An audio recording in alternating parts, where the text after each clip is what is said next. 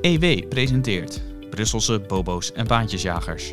De EU-politiek feitelijk, kritisch en onafhankelijk geduid door Jelte Wiersma, onze correspondent in Brussel. Met nog minder dan twee weken voor de Tweede Kamerverkiezingen op 17 maart gaat het in de verkiezingscampagne opvallend weinig over de Europese Unie. En dat terwijl het voor Nederland van cruciaal belang is wat er in Brussel wordt besloten. Wat staat er in de verkiezingsprogramma's over de Nederlandse positie in de EU en de rol van de EU in het algemeen? We gaan het bespreken met Jelte Wiersma, onze correspondent in Brussel. Verder aandacht voor een belangrijke ontwikkeling in het Europees Parlement. De partij van de Hongaarse premier Orbán stapt uit de Europese Volkspartij, de machtigste fractie. Wat zegt dat over de verhoudingen in de EU? Tot slot hebben we het over de Nederlandse Europarlementariër Kati Piri, die als een rode lap op een stier werkt voor Turkije. Waarom? Genoeg te bespreken weer in deze aflevering van Brusselse Bobo's en Baantjesjagers. Mijn naam is Matthijs van Schie. Goed dat u luistert naar een nieuwe podcast van EW. Jelte, hartelijk welkom. Hallo. Zoals ik al zei in de intro, uh, horen we in de campagnes en de verkiezingsdebatten maar weinig over de EU. Toch is het een uh, belangrijk thema in de Nederlandse politiek, zo blijkt uit de verkiezingsprogramma's die jij doorspitten. Wat viel je op? Nou, wat opvalt is dat de meeste partijen een uh, positie hebben waarbij ze zeggen, nou, um, die Europese Unie, dat is een gegeven feit, daar gaan we niks aan veranderen. We gaan niet vooruit, we gaan niet zozeer achteruit. Maar um, we willen toch wel een beetje aan de knoppen draaien in een uh, bepaalde richting. Dat is hetzij de richting minder EU, hetzij de richting meer EU. En dan om bij de belangrijkste partijen te beginnen, uh, de VVD en het CDA in deze, die waarschijnlijk het motorblok gaan vormen van een nieuwe regering. Die zeggen beide, samen met uh, de Partij van de Arbeid, dat bijvoorbeeld het vetorecht binnen de Raad van Regeringsleiders wat betreft buitenlands beleid, dat dat verwaterd moet worden. En dat is wel een interessante ontwikkeling. Dat zagen we vijf jaar geleden of vier en een half jaar geleden bij de verkiezingen nog niet, deze beweging, en nu wel. Um, dat houdt concreet in dat als de 27 regeringsleiders in Brussel bij elkaar komen en praten over bijvoorbeeld sancties tegen Rusland, dat als er eenmaal een principebesluit is genomen door alle 27 om sancties in te stellen, dat uh, daarna eventuele verzwaringen van sancties, dat daar geen uh, uh, unanimiteit meer over hoeft te zijn, maar dat een gekwalificeerde meerderheid dat is dan meestal ongeveer twee derde van de regeringsleiders kan besluiten tot verzwaring van zulke sancties. Nou, dat eh, is specifiek bedoeld om een aantal landen buitenspel te zetten die eventueel verzwaring van sancties willen blokkeren, om uh, wat voor redenen dat dan ook. Je moet je voorstellen, het is een paar keer voorgekomen dat uh, landen zeiden van, nou, uh, wij gaan daar toch niet mee akkoord bijvoorbeeld uh, Cyprus heeft een keer uh, op de rem getrapt, uh, nog niet zo lang geleden overigens. Want die zeiden van ja, als er sancties komen tegen Rusland, of verzwaring van sancties tegen Rusland, want er zijn al sancties tegen Rusland, dan willen wij ook dat er sancties komen tegen Turkije. Want Turkije is met schepen naar olie en gas aan het boren in onze territoriale wateren. Dus Cyprus die verbond een andere kwestie met de kernkwestie die voorlag aan de regeringsleiders, verzwaring van sancties tegenover Rusland, uh, met een uh, nationale kwestie en dat was dan in dit geval uh, de Turkse kwestie. Nou, om dat te voorkomen is er al langer een beweging binnen een aantal hoofdsteden aan de gang. Voornamelijk natuurlijk Berlijn en Parijs, Frankrijk, Duitsland, de belangrijkste landen in de EU, om die vetorechten te beperken. Uh, de Nederlandse premier Mark Rutte van de VVD heeft een aantal jaar geleden ook een toespraak gehouden in Zwitserland, waarin hij dit voorstelde. Dat was toen eigenlijk een klein revolutietje, uh, want de VVD bekende zich daarmee tot het laten verwateren van het Nederlandse vetorecht. En um, in het verleden hebben zij vaak juist gehamerd op dat vetorecht. En zij vinden dus het CDA en de Partij van de Arbeid aan hun zijde. En uh, het lijkt erop dat een volgende regering in ieder geval die verwatering zal laten doorgaan. Dus dat is wel een belangrijk punt. Ja, je hebt uh, de standpunten over de EU heb jij in een stuk uiteengezet. En wat mij opviel is dat jij zegt uh, over de VVD en het CDA dat zij burgers in een programma eigenlijk een beetje op het verkeerde been zetten. Wat bedoel je daar precies mee? Ja, ik plaag ze natuurlijk een beetje en dat mag toch ook wel. kijk, zij hebben het elke keer over Europese samenwerking. En dat is iets dat deugt niet. Want het gaat expliciet om Europese integratie. Het directoraat-generaal bij het ministerie van Buitenlandse Zaken heet ook niet voor niks Europese integratie. De Europese Commissie spreekt altijd over integratie. Dat daar spreken de Duitsers en de Fransen ook over. Want dat is feitelijk wat er aan de hand is. Uh, de Europese Unie is zo'n uniek experiment, want zo noem ik het altijd maar, een experiment omdat het juist iets heel anders is dan internationale samenwerking. Internationale samenwerking heb je in de Verenigde Naties bijvoorbeeld, waarin soevereine landen samenkomen en met elkaar vergaderen enzovoort. Maar uiteindelijk landen uiteindelijk altijd zelf kunnen bepalen wat ze doen of wat ze niet doen. De Verenigde Naties uh, heeft geen gezamenlijke wetten of laat staan een begroting uh, zoals de EU dat nee, wel wil. Nee, exact, exact, exact. De Europese Unie is echt iets anders. De Europese Unie is een rechtsorde waarbij de hoogste rechter, het Europees Hof van Justitie in Luxemburg is. En de macht dus niet meer eh, bij de wetgevende macht in de natiestaten ligt, de Tweede Kamer en de Eerste Kamer bij ons, dat die uiteindelijk de hoogste wettenmakers zijn. Want de Eerste en Tweede Kamer maken de wetten, maar het is niet uh, uh, dat uiteindelijk zij daarmee de volledige baas zijn. Nee, er is een hogere wettenmaker en in die rechtsorde leven wij als Nederland en Nederlanders. Um, dus um, de Europese Unie is expliciet een geheel waarbij macht wordt overgeheveld van de nationale staten naar een ander niveau, een hoger niveau wordt het vaak genoemd, de Europese Unie. Dus um, dat maakt ook waarom het Verenigd Koninkrijk kort na de Tweede Wereldoorlog buiten de Europese gemeenschap van kolen en staal bleef. de eerste bijeenkomst of eerste integratiestappen die toen genomen werden. Want uh, de uh, sociaal-democratische minister van Buitenlandse Zaken, Lord Bevin, die zei van ja, maar dit is iets heel anders dan samenwerking. Dit is uh, het opgeven van onze soevereiniteit. En daar gaan wij als Verenigd Koninkrijk nooit mee akkoord. En nou, die, die achtergrond maakt dat um, partijen die spreken over samenwerking de burgers op het verkeerde been zetten. En dat vind ik wel kwalijk. Ja, um, als je dan uh, even naar de volgende partij gaat. Je zegt VVD en CDA zullen waarschijnlijk het motorblok uh, vormen van de volgende coalitie. Maar die zijn hier niet erg uh, transparant over. Een andere partij die ook waarschijnlijk wel tot dat motorblok zal gaan behoren is D66. En D66 is er wel heel duidelijk over hè, welke kansen op willen en wat zij ook zien als EU-samenwerking dan wel integratie. Ja, D66 is eigenlijk eerlijker, zou je kunnen zeggen. Die zeggen, ja, wij willen een federaal Europa. En uh, een federaal Europa betekent niet per se een volledig gecentraliseerd Europa. Federalisme moet je begrijpen zoals het Amerikaanse of het Duitse federalisme. Waar je dus Washington en Berlijn hebt als hoofdsteden die machtig zijn, maar niet de absolute macht hebben. Want de staten die hebben heel veel macht in uh, uh, bijvoorbeeld uh, onderwijsdomein of het zorgdomein.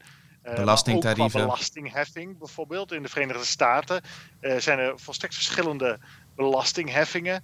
Als je een pakje sigaretten in uh, de staat New York uh, koopt, dan betaal je 14 of 15 dollar. Koop je die in Florida, dan betaal je 3 of 4 dollar. Weet je? Dat, dat soort uh, verschillen. Je hebt staten zonder BTW en staten die wel BTW heffen. Dus je hebt staten zonder winstbelasting en je hebt staten die wel degelijk winstbelasting heffen. Dus je hebt een grote melange daar aan verschillen een aantal dingen wordt centraal gedaan. Dat is natuurlijk munt, grenzen, uh, nationale veiligheid, buitenlandse veiligheid. Nou, zo heb je nog een aantal uh, thema's. Een aantal belastingen worden nationaal vastgesteld. Een leger nou, natuurlijk. Zoals uh, D66 ook wil voor de EU. Ja, de, de, de, zij, zij gaan die richting op en zij zeggen er moet meer macht naar die EU. En er moeten uiteindelijk ook meer transfers met geld naar andere EU-lidstaten als die uh, financieel in de problemen zitten. Maar wel dan weer gekoppeld aan hervormingen. Dus daar, eh, D66 is natuurlijk economisch een partij die veel rechtser is vaak. Soms rechtser dan de VVD op dat vlak. Uh, dan mensen in de gaten schijnen te hebben. maar die, daar zijn ze wel hard op. En zij zeggen dat kan het beste worden bewerkstelligd door een Europese Commissie die een doorzettingsmacht heeft en die kan afdwingen dat natiestaten hervormen, uh, bureaucratie verminderen, corruptie bestrijden en zo. Dus zij willen een centrale macht hebben, en dat zal dan de Europese Commissie waarschijnlijk zijn, die dat kan doorzetten. Dus zo uh, zijn zij eigenlijk heel consequent daarin. En dat vind ik wel te prijzen aan de burger. En um, er zijn meer partijen die de andere kant op ook die helderheid verschaffen. Uh, dan moet je denken aan natuurlijk de PVV van Geert Wilders, die eruit wil. de SGP, die daar ook heel helder over is. met um, Skepsis, die zegt ja, de EU moet terugplooien en meer macht terugbrengen naar de nationale regeringen. En doet zij dat niet, dan moeten we een exit overwegen. Dan heb je Forum voor Democratie die zegt wij willen eruit, maar alleen als er een referendum uitspraak is van uh, de Nederlandse burgers die zeggen wij willen er inderdaad ook uit. Dus um, zo zijn er een aantal partijen die klare wijn schenken. Dan weet je als burger wat je eraan hebt. Dat vind ik prettig en ook fair. Um, en een aantal die zijn wat vager. Maar je ziet wel hoe dichter bij, bij, bij de macht eigenlijk, hoe vager ze zijn. Uh, en dat is niet helemaal verwonderlijk, want zo is het vaak.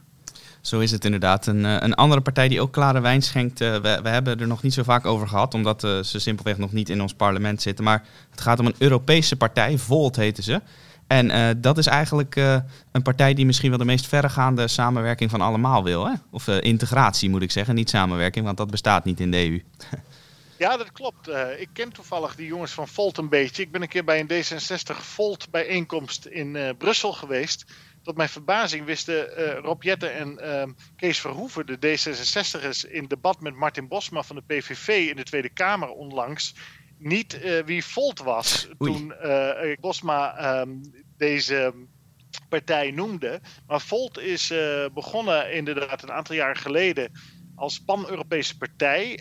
Uh, die um, hadden een, eigenlijk een soort kieslijst uh, voor de Europese parlementsverkiezingen van 2019 opgesteld met mensen uit alle EU-landen. Een Italiaan was de grote roerganger daarvan en die is uiteindelijk in het Europees parlement verkozen. Um, en uh, met één zetel zitten zij daar dus. En ja, zij zijn een beetje hip and happening onder jongeren schijnbaar die voorheen misschien D66 of GroenLinks zouden stemmen. Die uh, toch de, bij een beetje kleurloze Jesse Klaver misschien niet zien zitten. En um, de ja, wat oudere en um, toch wat on-Nederlandse Sigrid Kaag D66 aanvoerder. Die niet altijd helemaal weet na jaren in het buitenland te zijn geweest wat voor land Nederland eigenlijk is. lijken die... Um, op vol te gaan stemmen. Dat is ook een beetje natuurlijk uh, trendy. Hè? Ja. Um, ik bedoel, jongeren zijn erg beïnvloedbaar vaak. Zoals trouwens veel mensen. En uh, als jouw buurman vol uh, stemt, um, dan doe je dat ook. Koopt jouw buurman sneakers van een bepaald merk, dan doe jij dat ook. Weet je, zo gaat dat toch een beetje in die wereld. Dus, maar we, het zou op zich um, helemaal niet onaardig zijn, natuurlijk, een verrijking van de stemmen in de Tweede Kamer. Uh, dus uh, laten we zien wat daarvan komt. Ja. Maar zij willen inderdaad een, een federale Europa. Um, ze zitten wel vrij dicht bij D66 hoor, of D66 bij hun, net hoe je het bekijkt. Um, een voorstel van D66 en ook Volt is de Europese kieslijsten. Een directe uh, verkiezing voor de president, de voorzitter, zeggen wij in Nederland, van de Europese uh, commissaris, uh, voorzitter. Hè. Wij zeggen voorzitter, maar bijna alle landen zeggen ze de president van de Europese Commissie, nu Ursula von der Leyen. Dus dan krijg je echt directe verkiezingen. Ja, dat zou natuurlijk wel electoraal spektakel opleveren, want dan krijg je bijvoorbeeld van de linkerkant een, een Griek of zo die dan zich kandideert en van de rechterkant een, een zweet of zo. En dan moet je daarop stemmen. Althans, als je daar zin in hebt. Uh, dus um, dat willen zij graag. Nou, wie zal het zeggen dat het ooit zover komt? En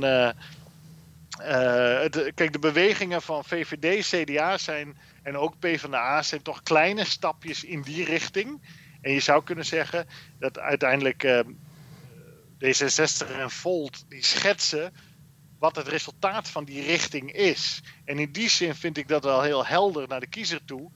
Want um, ja, de, uh, de Britten hebben altijd gevraagd tijdens de, hun tijd in de Europese Unie van... ja, waar gaat dit nou eigenlijk naartoe? Wat is nou het eindstation van dit geheel waar wij in zitten? Want we gaan elke dag een stapje meer naar zo'n federaal Europa, wat een beetje gaat lijken op hoe Duitsland is georganiseerd, met 16 bondslanden, hè, dan zou je 27 EU-landen hebben.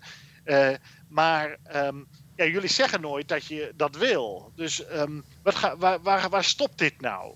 En um, ja, die vaagheid, die houden ook CDA, VVD, Partij van de Arbeid maar vol. Maar zij werken wel mee aan een gestage ontwikkeling in die richting. En in die zin uh, is een, zijn de plannen van Volt en D66 gewoon eigenlijk het eindresultaat van waar CDA, VVD, um, PvdA aan meewerken. Dus dat is wel heel uh, boeiend in die zin om, om naast elkaar te leggen.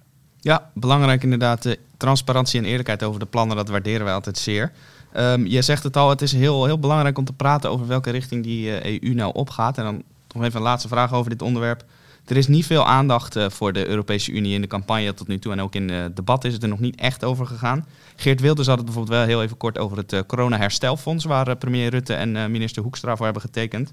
Maar ook met de vaccinatie speelde de EU natuurlijk een grote rol. Hoe komt het nou, denk jij, dat er in de verkiezingscampagne eigenlijk bijna niks over de EU wordt gezegd door de partijen?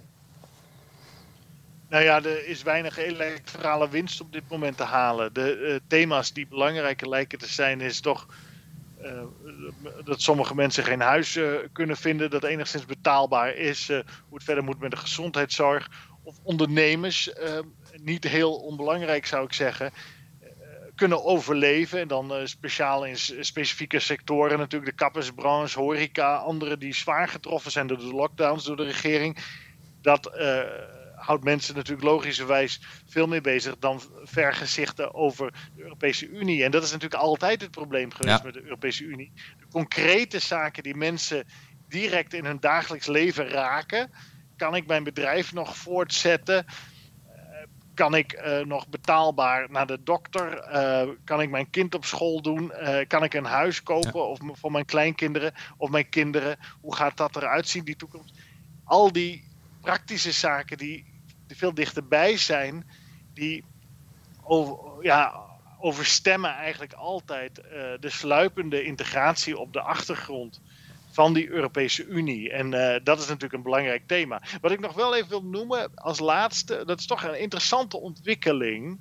Dat hebben we niet eerder gezien, dat de Socialistische Partij, maar ook de SGP, uh, en dat is bij de SP zeker een draai. Maar de SGP is ook nog kritischer dan ze al waren aan het worden. Uh, zeggen van ja, er moeten misschien maar landen uit de euro.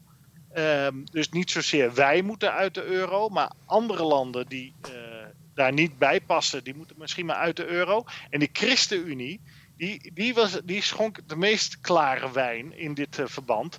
En dat vond ik heel goed van ze. Ze zeiden, zolang Duitsland in de euro zit, zit Nederland ook in de euro. Punt. Zo schreven ze het letterlijk op in hun verkiezingsprogramma. En dat vond ik heel goed van ze, van de ChristenUnie. Want uh, daar hebben ze absoluut gelijk in. Dat is natuurlijk zo. Zolang Duitsland erin zit, zit Nederland er ook in. Duitsland en Nederland hebben de één na grootste bilaterale handel in volume in euro's ter wereld. Na Canada en de Verenigde Staten. En uh, ja, dat deze realiteit maakt dat Nederland in die euro blijft. Maar er zijn dus allerlei partijen die scherper zijn geworden op het principe. Eh, ChristenUnie zegt dat, eh, SG, eh, SP, niet meer de euro redden ten koste van alles, zoals de afgelopen tien jaar is gebeurd. Nee, eventueel landen eh, begeleiden naar de uitgang. Wel met een zachte landing, zetten ze er allemaal bij. Maar ehm, dit kan niet eindeloos zo doorgaan. En een aantal partijen, interessant ook, onder, uh, waaronder het CDA, die zeggen de Europese Centrale Bank moet terug in zijn hok. Kijk, de Europese Centrale Bank is natuurlijk de grote redder geweest van de euro de afgelopen tien jaar. Met lage rente en massale geldbijdrukkerij. En dan vooral geldbijdrukkerij om staats- en bedrijfsobligaties op te kopen. Um, die uh, ja, orgie van geld, want het zijn duizenden miljarden euro's, daar hebben we het over, die in Frankfurt in de economie zijn gejaagd. Uh, daarvan zegt dus het CDA en nog een aantal andere partijen, dat moet stoppen. Uh, dus uh, het mandaat moet dus liggen bij de politici. En de ECB moet weer doen waartoe het op aarde is. De inflatie niet hoger maken of houden dan, dan rond de 2%, hun originele opdracht. En dat vind ik heel interessant. Dat is eigenlijk politici die zeggen: wij als politici moeten de macht weer teruggrijpen. Uh, wij hebben het uh, lang geen beslissingen genomen als politiek. Toen hebben de technocraten van de ECB het gedaan, want anders was de euro ten onder gegaan. Maar dat moet weer bij de politiek liggen. En dat is een aanval op Zuid-Europa. Die vinden juist dat de ECB zo'n machtige positie uh, in moet nemen. Uh, voornamelijk om hen te redden natuurlijk en hen binnen de euro te houden. Dus, dus er zijn interessante, hier en daar subtiele bewegingen aan de gang. maar zeker voor de ChristenUnie, die waren um, geweldig helder. Nederland zit in de euro zolang Duitsland in de euro zit, punt. Dus alle bespiegelingen van Nederland uit de euro zijn in die zin waardeloos. En ik denk dat ze daar waarheid als een koe te pakken hebben. Ja, dat zijn heel boeiende ontwikkelingen eh, om te zien. En het geeft ook wel aan dat eh, de EU toch wel degelijk eh, voor de partijen bij de Tweede Kamerverkiezingen heel belangrijk is. daarom is het ook voor mensen die Brussel graag volgen zeer de moeite waard. Die verkiezingsuitslag, waar we uiteraard uitgebreid op terug zullen blikken op onze website ewmagazine.nl. Ehm, laten we dan even van Den Haag naar Brussel gaan. Want in Brussel was afgelopen week ook een belangrijke ontwikkeling. Uh, woensdag stapte de partij van uh, de Hongaarse premier Viktor Orbán uit de Europese Volkspartij. En dat is de grootste en machtigste fractie van het Europees Parlement. Waarom? Ja, dat is een kwestie die al even speelt. Hè? Fidesz, um, de partij inderdaad van premier uh, Viktor Orbán in Hongarije, die um, is boos weggelopen uit de Europese Volkspartij omdat de partijregels daar gewijzigd zijn. Uh, je moet je voorstellen, uh, binnen de Europese Volkspartij, de machtigste politieke familie in het Europees Parlement en in de Europese Unie in bredere zin, had in zijn reglementen staan dat Europees parlementsleden de, uit de fractie en uit de partij konden worden gegooid, maar niet hele partijen. En um, die regels zijn aangepast. Met overweldigende meerderheid hebben de 200 Europese parlementsleden van de Europese Volkspartij uh, gestemd voor wijziging van de regels, waardoor hele partijen uit de Europese Volkspartij kunnen worden gegooid. En dat uh, was direct gericht op Fidesz. Fidesz was al geschorst als uh, partijlid van de Europese Volkspartij. Je moet je voorstellen, die Europese Volkspartij is dus een partij. Maar er zijn nationale politieke partijen aan de zeg maar centrumrechtse kant van het politieke spectrum lid van. Ja, een soort uh, paraplu. In Nederland zijn dat het CDA, de 50PLUS en de ChristenUnie. In Duitsland de CDU, CSU. Nou, in België de CD&V, de CDH. En nou, zo, ga zo maar door. Vooral de, de ehm, christendemocratische partijen.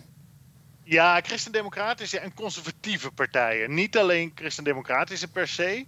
Um, in ieder geval, die zitten rechts van het midden. En zij zijn eigenlijk al heel lang, ze zijn in 1976 opgericht in Luxemburg, een motor achter de EU-integratie. En eigenlijk al heel lang ook de machtigste speler, al meer dan twintig jaar in het Europese parlement. Maar in bredere zin in de Europese Unie. Want um, de leiders van die partijen op nationaal niveau, bijvoorbeeld Angela Merkel van de CDU in Duitsland, of uh, in uh, Nederland was het vroeger natuurlijk Van Haarsma Buma en nu dan Wopke Hoekstra, die komen dus ook samen voor afgaande Europese toppen om met elkaar al de horloges gelijk te zetten, zoals dat dan heet. en dan proberen ze naar buiten te komen en bloc. Dus die Europese Volkspartij probeert op alle niveaus in het Europees Parlement, maar ook op het ministers- en regeringsleidersniveau en bloc altijd uh, te, te treden. Nou, dit Fidesz uit Hongarije was uh, sinds begin jaren 2000 lid. En dat was een uh, partij die een beetje midden-midden-midden zat. Maar heel veel Oost-Europese partijen werden lid van die Europese Volkspartij uit opportunistische overwegingen. Simpelweg, ze dachten, we sluiten ons aan bij de grootste en machtigste club. Want die hebben het meeste geld, die hebben de meeste interessante stoeltjes te verdelen met goed betaalde baantjes. En daar gaan wij bij zitten. Dus het is ook een beetje een gekke club soms hoor. Want in, in de Roemenen, dat zijn eigenlijk de liberale partij, is, daar is lid van die Europese Volkspartij. En die zijn niet lid van de liberale fractie. Dat is weer een beetje gek natuurlijk. Maar allemaal opportunisme, zoals altijd in politiek en onder politici. Um, nou ja, dit Fidesz ehm, was een graag geziene gast in die cirkels. Maar de laatste jaren zijn er natuurlijk een aantal ontwikkelingen geweest binnen Hongarije. Waarbij uh, Orbán en zijn partij uh, ja, toch een aantal, restricties effectief hebben opgelegd aan de pers. Um, de rechtspraak zo hebben hervormd dat er vooral rechters van hun smaak zitten. De democratie ook enigszins zo is hervormd dat het erg moeilijk is om af te komen van Fidesz. En um, ja, Orbán en zijn vrienden die zijn uh, via allerlei in interessante wegen opeens heel rijk geworden. Zo is een bevriende loodgieter van Orbán van vroeger is miljardair geworden, als ik het goed begrijp. Dankzij allemaal overheidscontracten. Ja, dat word je niet als reguliere loodgieter meestal. Nee, meestal niet. Alhoewel loodgieters erg goed betaald worden. En dat verdienen ze ook van harte. Die Zeker. Doen nuttiger werk dan al die communicatieadviseurs in blauwe pakken die mij omringen. En uh, die alleen maar intimiderend te werk gaan. Omdat ik weer eens iets geschreven heb wat ze niet leuk vinden. Uh, dan weet je dat je goed bezig bent. Natuurlijk helemaal niet. Dan heb je meer aan een loodgieter. Zo is dat inderdaad. Wat zeg je? Ik zei dan weet je dat je goed bezig bent als je wordt geïntimideerd door communicatiemedewerkers. Nee, dat, dat, dat, absoluut, absoluut. Absoluut, maar wat een verspilde energie van die mensen. Ze, ze weten toch al dat het niet lukt. Uh, uh, dus uh, geef mij maar een loodgieter, zou ik zeggen. Zo is dat. Ik denk dat ik carnaval zit. Hè? um, maar dat terzijde. In ieder geval, um, ja, die ontwikkelingen in Hongarije, die hervormingen van Orbán en zijn partij, hebben heel veel kwaad bloed gezet. Vooral bij de meer moralistische, liberale uh, christendemocraten en conservatieven. En dan moet je denken aan de Scandinaviërs, de Nederlanders, de, de, de Belgen.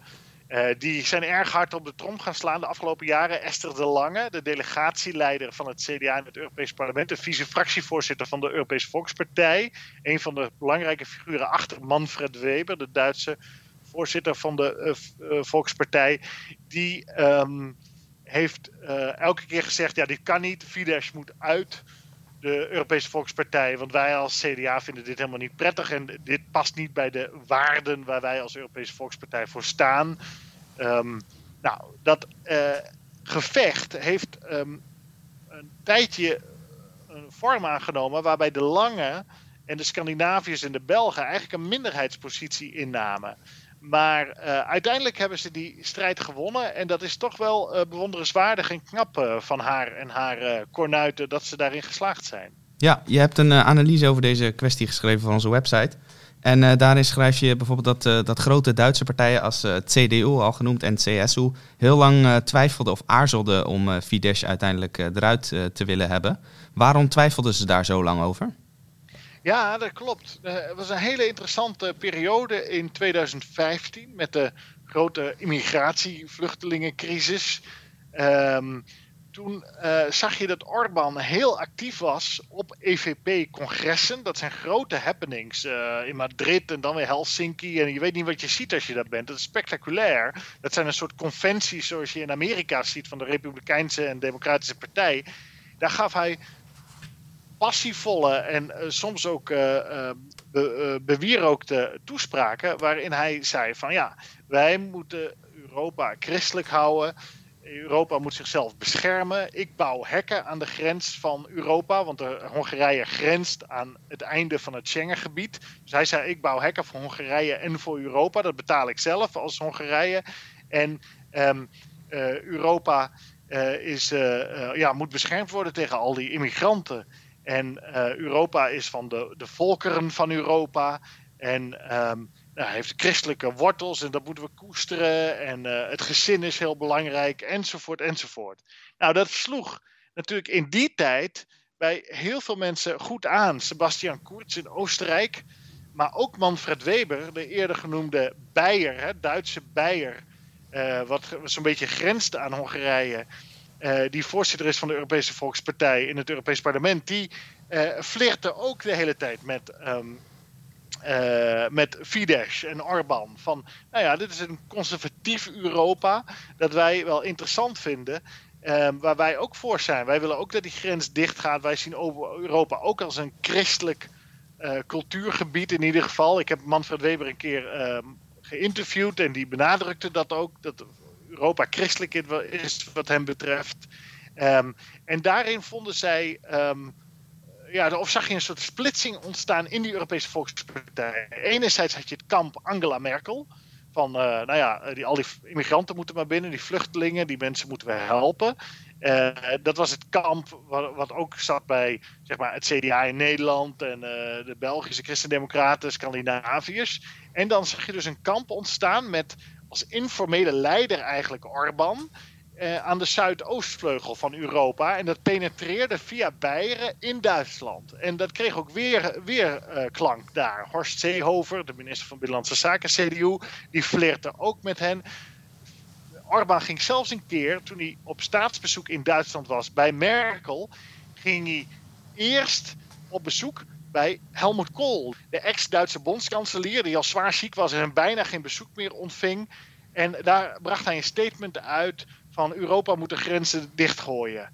En uh, daarna vloog hij door naar Berlijn, naar Angela Merkel. Nou, dat was een rel van hier tot Tokio in Duitsland. Uh, en je zag uh, op dat moment dat er een mogelijkheid was dat de Oost-Europeanen die Europese Volkspartij eigenlijk gingen overnemen. Ook omdat hun electorale resultaten veel beter waren. In uh, het westen, het noordwesten van Europa zie je dat die christendemocratische partijen eigenlijk allemaal verschrompeld hm. zijn. Dat zijn nog wel partijen die in het centrum van de macht staan, maar qua uh, kiezersaantallen natuurlijk een stuk kleiner zijn geworden dan ze, laten we zeggen, 10, 15, 20 jaar geleden waren. Um, en je zag in Oost-Europa Fidesz, maar ook andere partijen in het oosten.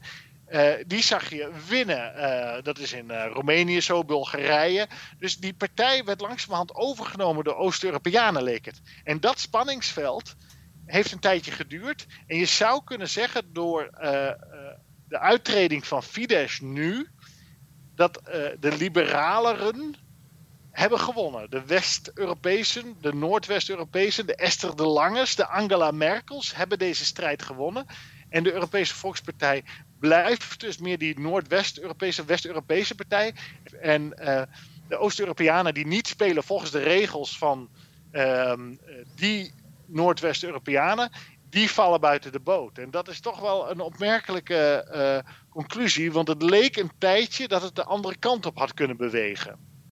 Ja, dat is inderdaad een uh, fascinerende ontwikkeling uh, om te zien. En jij schrijft in jouw commentaar over deze kwestie ook dat, dat eigenlijk de machtsovername, zoals je dat noemt, van Orbán in de EVP een beetje is mislukt. en ik vroeg me dan af, waarom is dat nou precies nu zo? Want je hoort inderdaad al jaren niet zoveel meer van hem, terwijl die daarvoor juist continu de voorpagina's haalde. Hoe, hoe komt het dat dat nu een beetje weg is geëpt? Nou ja, kijk, die immigratiecrisis is natuurlijk van de voorpagina's. En dat was voor hem de benzine voor zijn motor. Waardoor hij natuurlijk veel aanhang kreeg. En hij ook in het Westen veel aanhang kreeg. In landen zoals Italië, Frankrijk werd er natuurlijk volop in peilingen, maar ook in verkiezingsresultaten, ook uh, elders, Scandinavië, geflirt met de lijn Orbán. Hè? Ja. Dus uh, hij kreeg weerklank overal. En met de immigratiecrisis uh, van de voorpagina's is die benzine uit de motor gaan lopen en ja, loop, is de motor eigenlijk vast gaan lopen. En is um, het vergrootglas meer en meer komen te staan op zijn binnenlandse handel en wandel. En daar is um, ja, kan je niet anders zeggen, een aantal onfrisse dingen gebeurd de afgelopen jaren. Daarbij moet je ook niet vergeten, er is natuurlijk een vrij groot enthousiasme geweest bij uh, media. Uh, en dat is ook wel begrijpelijk, want veel media die vonden die anti-immigratielijn en die pro-christelijke lijn van Orbán maar niks. om um, op onderzoek uit te gaan in Hongarije. Dus je zag een vrij grote gretigheid om ook ervoor te zorgen dat de handel en wandel van Arban en zijn kornuiten naar buiten kwam. En um, niet dat dat onterecht is, zeker niet, helemaal niet. Dat, moet, dat moet natuurlijk ook naar buiten komen. En dat deugt ook absoluut niet. Maar er was wel veel uh, journalistieke en politieke energie om dat bloot te leggen. Dat is wel interessant.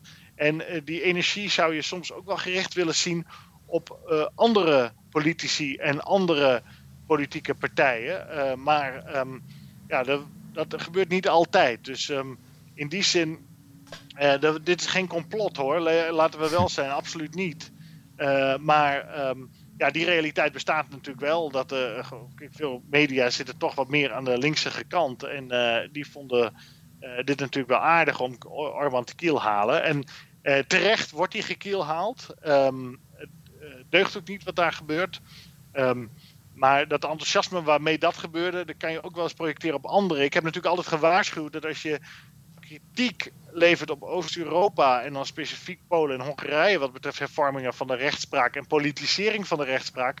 Ja, kijk dan ook eens naar Duitsland, Nederland, Frankrijk, België en al die andere landen waar de rechtspraak deels ook gepolitiseerd is. Dus dan ook gelijke monniken, gelijke kappen in die zin. Uh, maar goed, uh, het is zoals het is. En uh, voor de Europese Volkspartij betekent het dat zij de machtspositie in het centrum houden.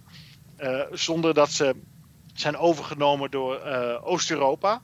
En waar, nog een reden waarom het nu naar buiten komt, is ook dat ehm, zij hebben ook zitten tellen qua, qua aantallen zetels. En zij kunnen als Europese Volkspartij met de Sociaal-Democraten, waar de Partij van de Arbeid lid van is, en de liberalen een, meerderheidsblok vormen, soms met de groenen er nog bij zo nodig, om een pro-integratiemotor aan te houden. En die realiteit uh, maakt, zij tellen ook gewoon uh, de stoeltjes, want het is altijd natuurlijk 50 plus 1 in de politiek wie de macht heeft. dat blok bestaat en zij blijven, ondanks de uittreding van de 12 zetels van Fidesz, de, het machtigste blok in dat pro-integratieblok. En daarmee behouden zij die kernpositie en daarmee hebben ze wat ze willen en waartoe zij op aarde zijn, de machtigste zijn. Dat is het belangrijkste waartoe zij op aarde zijn, de machtigste zijn en een pro-EU-agenda, die combinatie. En uh, nou ja, dat kunnen ze volhouden in deze constellatie. Dus ze konden zonder Orbans zetels uh, zich redden. En dus is het exit Orban. Ja, laatste vraag. Opportunisme is in die zin ook altijd belangrijker soms dan principes. Hè? Dat, uh, ja, dat weten wij maar al te goed. Dat, blijkt iedere week weer in deze podcast. Uh, laatste vraag over dit onderwerp. Uh, jij zegt met het vertrek van Orbán zijn de pro-EU-integratiepartijen eigenlijk sterker geworden in de Volkspartij.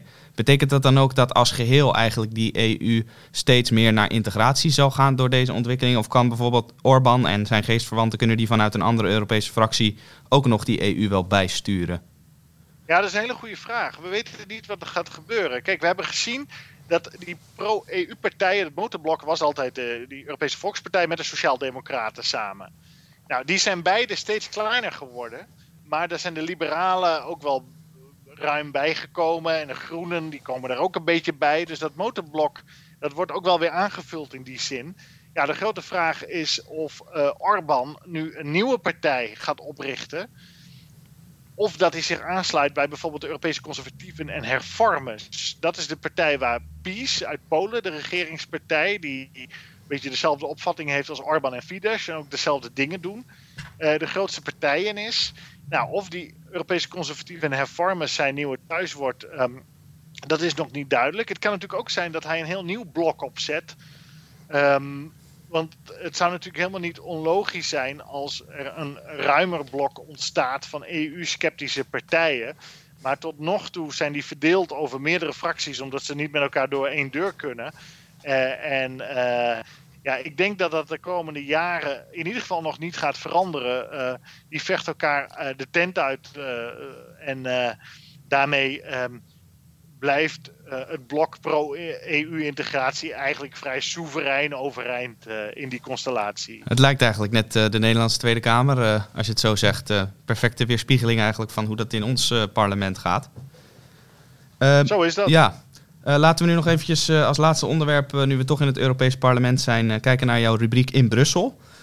want een van de Nederlandse Europarlementariërs waar we misschien wel het vaakst van horen is Kati Piri van de PvdA. Uh, zij is een, eh, een favoriete doelwit van Turkije en uh, vorige maand kwam ze daardoor weer in het nieuws. Wat was er precies aan de hand rond Kati Piri? Ja, ze werd aangevallen met een DDoS-aanval, zoals dat dan heet. En dan niet zij persoonlijk of fysiek zozeer, maar haar website en de website van de Partij van de Arbeid. Kati Piri is Europees parlementslid, lid van de Partij van de Arbeid. Zij staat op de vijfde plek voor inderdaad de Tweede Kamerverkiezingen van 17 maart. En um, Piri is lang rapporteur geweest voor Turkije in het Europees Parlement. Je moet je voorstellen, in het Europees Parlement heb je een positie dat heet het rapporteurschap. Dat is een vrij belangrijke positie, althans voor zover het parlement enige zeggenschap heeft, want dat is maar beperkt hoor. Maar zo'n rapporteur die wordt eigenlijk het speel in de agenda van, uh, en de opvattingen van het Europees Parlement over een bepaald beleidsonderwerp. En in dit geval was zij Turkije-rapporteur. Zij heeft ook een keer Erdogan, de, de Turkse president, bezocht en ze is daar vaak geweest. en ze heeft een, aantal kritische rapporten uitgebracht over Turkije. En um, die realiteit heeft tot enorme haat richting haar persoon. Van uh, wat ik dan altijd maar noem de Erdogan-Turken genoemd. Recep Tayyip Erdogan, hè, de grote roerganger al bijna twintig jaar daar in Turkije. Die noemde Katipiri ook vaak in zijn toespraken, zweepte zijn achterban, zijn vaak wilde achterban, ook op om anti-haar te zijn. Uh, regeringsgezinde kranten in Turkije publiceerden anti-Katipiri stukken. Terwijl zij gewoon de feitelijke uh, heden opschreef van wat er aan de hand is. Dat de democratie en rechtsstaat en mensenrechten daar in steeds erbarmelijke omstandigheden zijn beland onder Erdogan. En het geheugen van de Erdogan-Turken is kennelijk als een olifant, want ze blijven haar maar achtervolgen. Ze wisten ook kennelijk eh, via een aankondiging op een anoniem, maar pro-Erdogan uh, Turkije Twitter-account. dat er verkiezingen zijn in Nederland waar dit werd aangekondigd, deze aanval. En dat Katipiri toch vooral gepakt moest worden. Want nou, die deugde natuurlijk voor geen meter. Want die had het, de grote leider Erdogan en het prachtige Turkije besmeurd. Nou, dat. Um, heeft geleid tot deze DDoS-aanvallen, waarbij, ehm, als ik het goed begrijp, zo vaak de webpagina wordt opgevraagd dat die vastloopt. En dat is zowel op haar persoonlijke site gebeurd als op de PvdA-site. En zij zag dit op Twitter, Katipiri, op een zaterdagochtend, vertelde zij mij toen ik haar interviewde. Uh, zag ze dat uh, op Twitter voorbij komen. En toen ging ze naar haar eigen website. En zag ze inderdaad dat haar eigen website het niet deed. En toen naar de website van de PvdA. En die deed het ook niet. Dus um, zij blijft te worden aangevallen. Nou, ze was een koele onder. Ze zei: uh, Ik ehm, ben niet fysiek aangevallen, maar het is niet leuk. Ja, nou, dat, dat is wat het is inderdaad. Dat een, lijkt me een correcte reactie van haar. Als zij op plek 5 staat voor de Tweede Kamerverkiezingen, dan dan kunnen we wel aannemen dat zij inderdaad voor de PvdA in de Tweede Kamer gaan komen. Want die partij is weliswaar flink gezakt in aantal zetels. Maar vijf, dat moet nog wel lukken. En dan kunnen we ook waarschijnlijk uh, de nodige confrontaties verwachten tussen haar en bijvoorbeeld de Kamerleden van Denk. Dat, uh, dat zal een interessant schouwspel worden. Hey, als ja, we... wij wachten op vuurwerk al. Ja. ik heb er nu al zin in. De, ik zet de borrelnootjes en het pils koud. Huh? Ja, heerlijk. Hey, als we nog heel even teruggaan naar uh, Turkije. Want formeel is het natuurlijk zo dat Turkije nog steeds EU-lidmaatschap kandidaat is. En wat de aanwijzingen geloof ik zijn voor deze hack is ook dat er in ieder geval wel stevige verdenkingen zijn van betrokkenheid van Ankara, van de regering daar. Wat, wat zegt deze affaire dan bijvoorbeeld weer over dat EU-lidmaatschap van Turkije? Dat lijkt er nu toch echt totaal niet meer in te zitten. Nee, in de verkiezingsprogramma's waar we het eerder over hadden, stond ook uh, bij een heel aantal partijen: we moeten stoppen met de toetredingsonderhandelingen. Want formeel zijn er nog altijd onderhandelingen tussen Turkije en de Europese Unie over toetreding van Turkije tot die Europese Unie. Nou, iedereen weet dat het flauwekul is, dat gaat nooit gebeuren. Maar geen van beide partijen wil zeggen: nou, we stoppen er formeel mee. Wel zijn de onderhandelingen al jaren in de ijskast gezet. Uh, omdat de EU heeft gezegd, ja, wat er in Turkije onder Erdogan gebeurt, dat staat zo ver weg van de waarden van beschaving, daar gaan wij uh, uh, niet uh, mee onderhandelen. Maar formeel ligt het nog steeds op tafel. Nou, dan, dan zijn we toch, hebben we de cirkel weer mooi rondgemaakt. We begonnen bij de verkiezingsprogramma's en daar eindigen we ook. Want ja, we hebben het natuurlijk over de EU in deze podcast. Maar uiteraard ligt onze aandacht ook bij die verkiezingen die over anderhalve week gaan plaatsvinden. We hebben daarvoor ja, ook een... en wat ik moet nog wel even moet zeggen in dit verband is... Kijk, het is niet zeker dat het uit Ankara komt, hè, deze aanvallen. Uh, er zijn natuurlijk heel veel mensen geïnspireerd door Erdogan of anderen. In ieder geval wat zeker is, dat er Twitter-accounts zijn waar deze aankondigingen werden gedaan. Waar ook wordt geclaimd dat uh, het door diegene die dus zo'n Twitter-account beheert is gedaan. Uh, dus zo'n Twitter-account is ook nog gewoon actief. Dat is ook zo van gek, hè? Dat ja. zo'n bedrijf als Twitter het faciliteert dat dit soort vreselijke mensen die uiteindelijk de democratie willen aanvallen door een website van een politicus en kandidaat-Kamerlid die zich via een campagne wil laten leren kennen onder de bevolking uh, blokkeert. Hè? En probeert deze democratie te beschadigen. Want dat is het. Het is een aanval in bredere zin op onze democratie. Dat is heel belangrijk om te zien. Dit zo, om het zo te bezien, zo'n aanval. En um, het hoeft niet per se uit regeringskringen te komen. Zeker niet. Je weet hoe vaak hoe dat gaat. Uh, er zijn allerlei mensen kundig op digitaal gebied en die doen dat geïnspireerd door.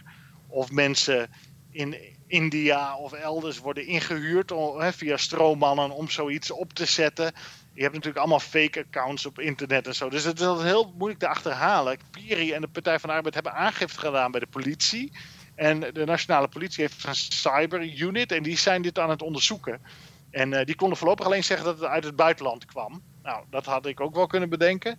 Uh, maar um, uh, verder is er nog geen duidelijkheid over wie hier precies achter zit. Dus je kan niet wijzen, want we blijven feitelijk natuurlijk naar Erdogan of zijn regering als boosdoener per se. Maar zij creëren wel de sfeer waarin dit soort um, agressie uh, en aanvallen op de Nederlandse democratie, want zo moet je het bekijken, dat zeg ik heel scherp, uh, worden uh, gefaciliteerd.